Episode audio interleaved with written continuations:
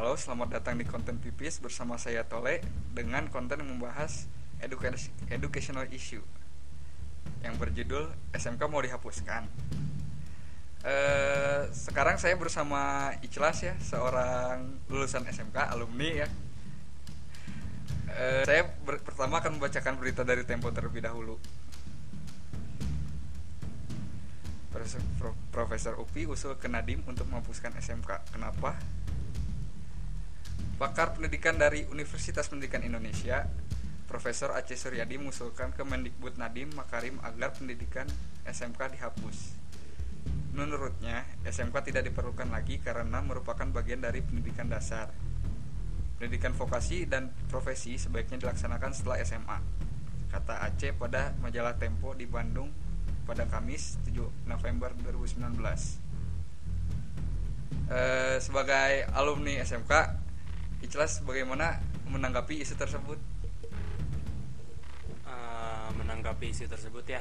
Yang pertama dengan adanya isu tersebut, saya sebagai alumni SMK juga gitu, saya termasuk orang yang terkejut gitu. Eh, ada apa sih nyampe harus seperti ini? Apa alasan dibalik eh, dia mengusulkan untuk penghapusan SMK itu ada apa saja gitu? Eh, lalu apa ya?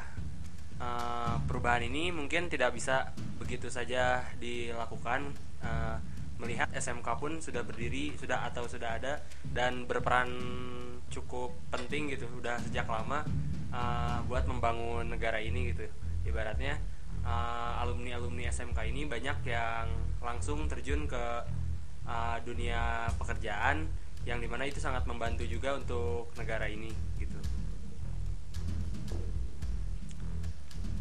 Eh, selanjutnya eh, Ikhlas dulunya SMK di dari jurusan apa? Uh, saya sendiri saya dari jurusan RPL atau rekayasa perangkat lunak Eh, sebagai eh, alumni dari RPL kan menurut eh, Ikhlas itu apakah RPL itu ap- siap untuk terjun ke dunia kerja? uh, siap untuk terjun ke dunia kerja. Uh, seperti pada tujuan awalnya SMK itu emang disiapkan untuk hal seperti itu. Tapi kalau untuk setiap orangnya itu tergantung kembali ya ke setiap orang-orangnya. Uh, apakah dia benar-benar mengikuti uh, apa ya, pelajaran atau mengikuti semua proses itu dengan baik. Tapi untuk saya sendiri uh, menurut saya saya siap untuk uh, terjun ke dunia pekerjaan. Karena di SMK itu kita di- dibekali uh, ilmu-ilmu yang emang langsung praktikal gitu Uh, ditambah kita pun ada yang namanya kalau dulu PKL mungkin sekarang disebut PPG atau Ya, OJT pen- lah. ya OJT kayak gitulah kalau nanti di SMK itu ada seperti itu yang membuat kita selama satu semester itu bahkan macam-macam waktunya kita udah mengenal dunia pekerjaan bagaimana meskipun ya nggak jauh-jauh banget gitu Eh, menurut dari menurut Ikhlas nih kan benefit dibandingkan SMK kan lebih menerima teori praktikal. Nah kalau misalkan SMK dihilangkan secara otomatis eh, berarti eh, sumber daya manusia ketika lulus SMA eh, tidak akan menerima praktikal dong. Eh, bisa dibilang seperti itu karena SMA itu kan ya mungkin saya nggak terlalu tahu banyak cuman pasti teo- eh, kebanyakan teori-teori teori dan beda lah sama SMK udah jelas. Kalau di SMK itu udah ada eh, penjurusan-penjurusan yang apa ya yang lebih menuju Lebih lebih, runcing gitu ya. terdampak ya. Lebih runcing. Kalau di SMA itu kan secara umum IPA IPS bahasa dan tidak ada skill yang dibekali untuk anak-anak SMA itu sendiri. Be- eh, berbeda hal dengan di SMK jadi minimal dalam satu bidang dia sudah memegang apa ya memegang skill di dalam dirinya. Eh, btw saya penasaran nih. Eh, dulu Ikhlas tuh pengen masuk SMK tuh kenapa? Eh, alasan saya masuk SMK dulu sih gimana ya Eh, saya udah nggak terlalu pengen apa ya nggak terlalu pengen kuliah-kuliah banget gitu pengen niat awalnya tuh langsung kerja Eh, supaya bisa apa ya mandiri lebih cepat lah ibaratnya.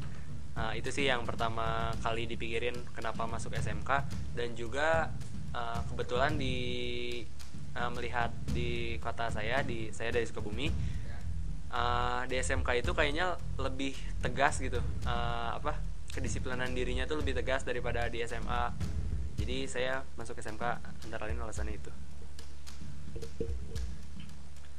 Uh, selanjutnya ini sih kan Ikhlas sekarang berada uh, sekarang kan kuliah di pariwisata ya.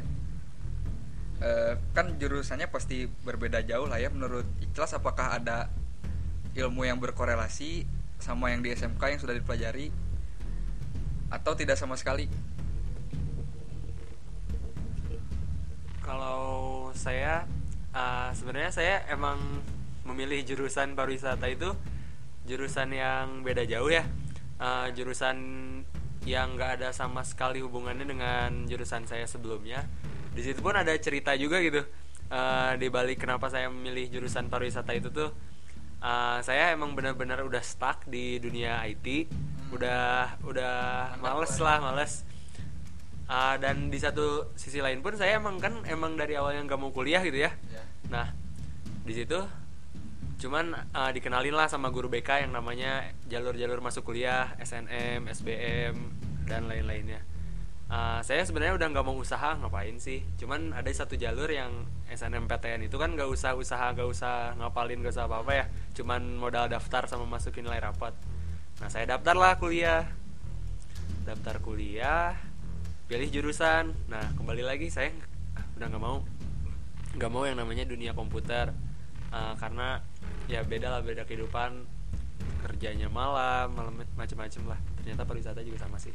Uh, di situ saya daftar SNM pilih pariwisata yang uh, saya pikir bakal santai jalan-jalan dan sebagainya. Dan ternyata enggak juga. Uh, tapi kalau korelasi di dalam pelajaran sih emang benar-benar nggak ada. Cuman dari IT ini banyak yang saya dapat gitu.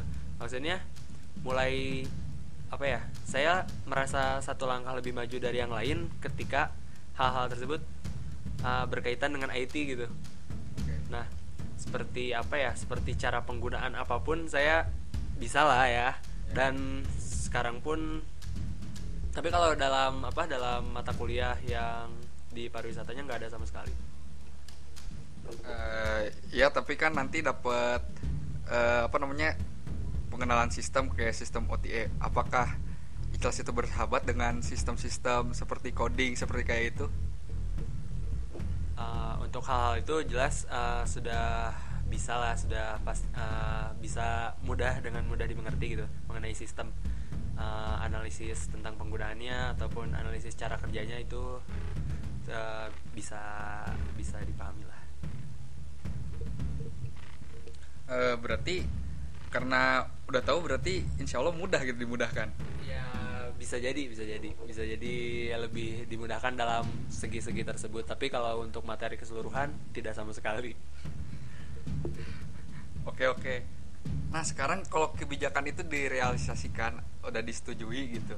Si apa namanya si draft yang dikirim oleh Profesor Aceh ke Menteri Nadim gitu apakah ada pesan-pesan yang harus yang pengen kamu utarakan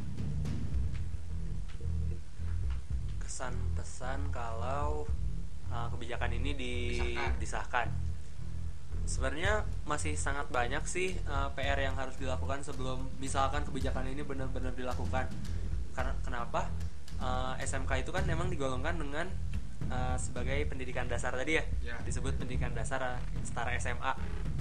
Nah yang pertama uh, kenapa sih nggak memperbaiki terlebih dahulu SMK-nya itu sendiri? Uh, soalnya kenapa saya yang saya baca salah satu artikel pernah saya baca itu bahwa penyumbang pengangguran terbesar itu malah dari SMK kalau saya nggak salah pernah ada di sebuah artikel seperti itu. Nah kenapa sih nggak memperbaiki, memperbaiki itu terlebih dahulu? Soalnya kenapa? Kalaupun menghilangkan SMK ada ada masih banyak PR-PR yang harus dilakukan. Seperti orang-orang kenapa lebih milih SMK uh, contohnya saya saya ingin ingin cepat bekerja gitu uh, adapun teman-teman saya dulu yang saya ketahui kenapa mereka milih SMK mereka tuh pengen cepat-cepat kerja pengen apa ya pengen membantu cepat-cepat membantu orang tuanya. Mereka mikir nah mereka mikir bahwa kuliah itu mahal. Nah itu pun menjadi masalah ketika seseorang uh, jika jika SMK dihapuskan. Atau kan ada dikasih dikasih apa sih dikasih lanjutannya di berita itu tuh bahwa pendidikan setara vokasi dan lain-lain itu diadakan setelah SMA. Ya. Nah, itu pun harus apa ya? Harus bisa terjangkau gitu maksudnya. Harganya dengan ya harganya lah.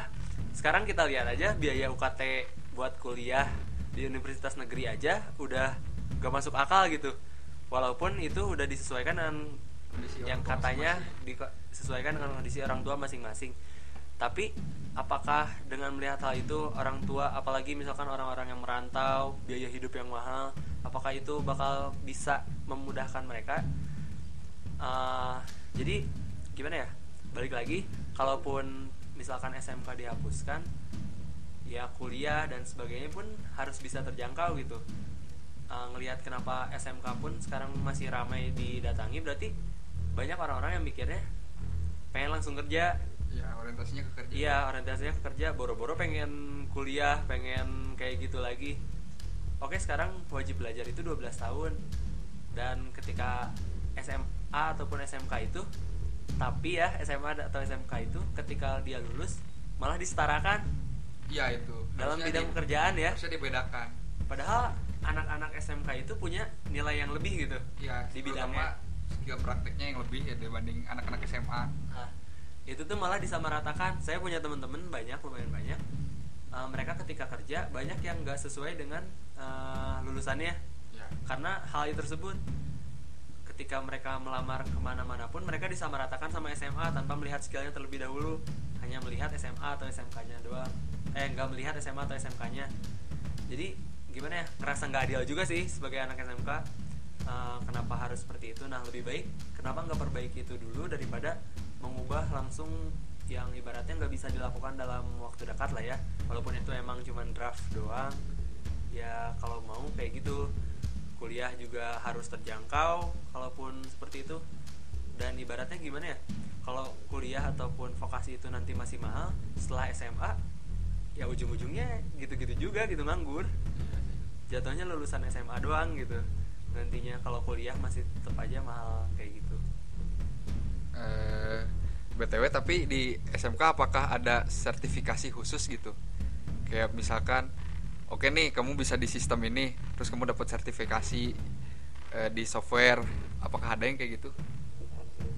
Buat di jurusan saya sendiri di RPL uh, eh, di SMK itu ada yang namanya eh di semua jurusan bahkan ada yang namanya uji kom. Ya, itu uji kompetensi. Di mana dalamnya itu kita dites beberapa apa ya beberapa materi yang uh, harus kita kuasai. kuasai di akhir per, eh, akhir masa sekolah itu. Jadi di situ kalau saya dulu uh, ada tes dari perusahaan atau perusahaan yang bekerja sama gitu sama sekolah. Jadi di situ kita dites sejauh mana kemampuan kita dapatlah nilainya dan sertifikat itu pun ada sertifikasi sertifikasi misalkan uh, menguasai apa menguasai apa nanti ada sertifikasinya dapat sertifikat dan bisa digunakan buat bekerja Eh, jadi menurut saya sebaiknya uh, perusahaan ketika meng-hire si, si si alumnus SMK itu harus mempertimbangkan melalui sertifikasi itu ya. Uh, iya jelas karena untuk bidang yang apa ya bidang yang nyambung gitu bidang yang sesuai itu harus sangat harus diperlihatkan tapi kan kembali lagi nggak semua bidang nggak bidang itu tuh nggak apa yang nggak menerima banyak sekali uh, siswa SMK yang saingannya juga sekarang udah banyak banget. Uh, di bidang-bidang lain pun harusnya seperti itu gitu. Maksudnya kenapa? Ya kembali lagi SMA dan SMK itu disamakan jatuhnya. Itu tuh bikin bingung juga sih. Ngerasa rugi iya masuk SMK ngerasa untung juga iya gitu. Jadi sebelum kebijakan ini di, dilaksanakan sebaiknya kita harus menimbang ulang sih. Ini eh, seperti itu karena kalau misalkan kebijakan ini tidak dilaksanakan juga masih banyak anak-anak SMK yang disetarakan dengan siswa-siswa SMA sebaiknya kita mengubah mindset pandangan sih intinya itu kan yeah.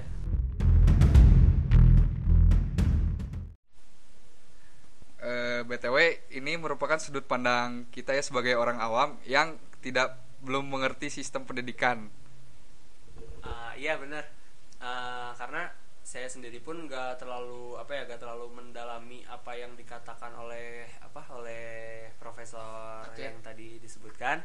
Uh, saya sebagai sudut pandang orang awam yang emang merasakan gitu dunia SMK kayak gimana berdasarkan pengalaman saya dan yang teman-teman saya rasakan. Jadi uh, ini tidak tidak ada maksud buat menyindir pihak mana pun gitu.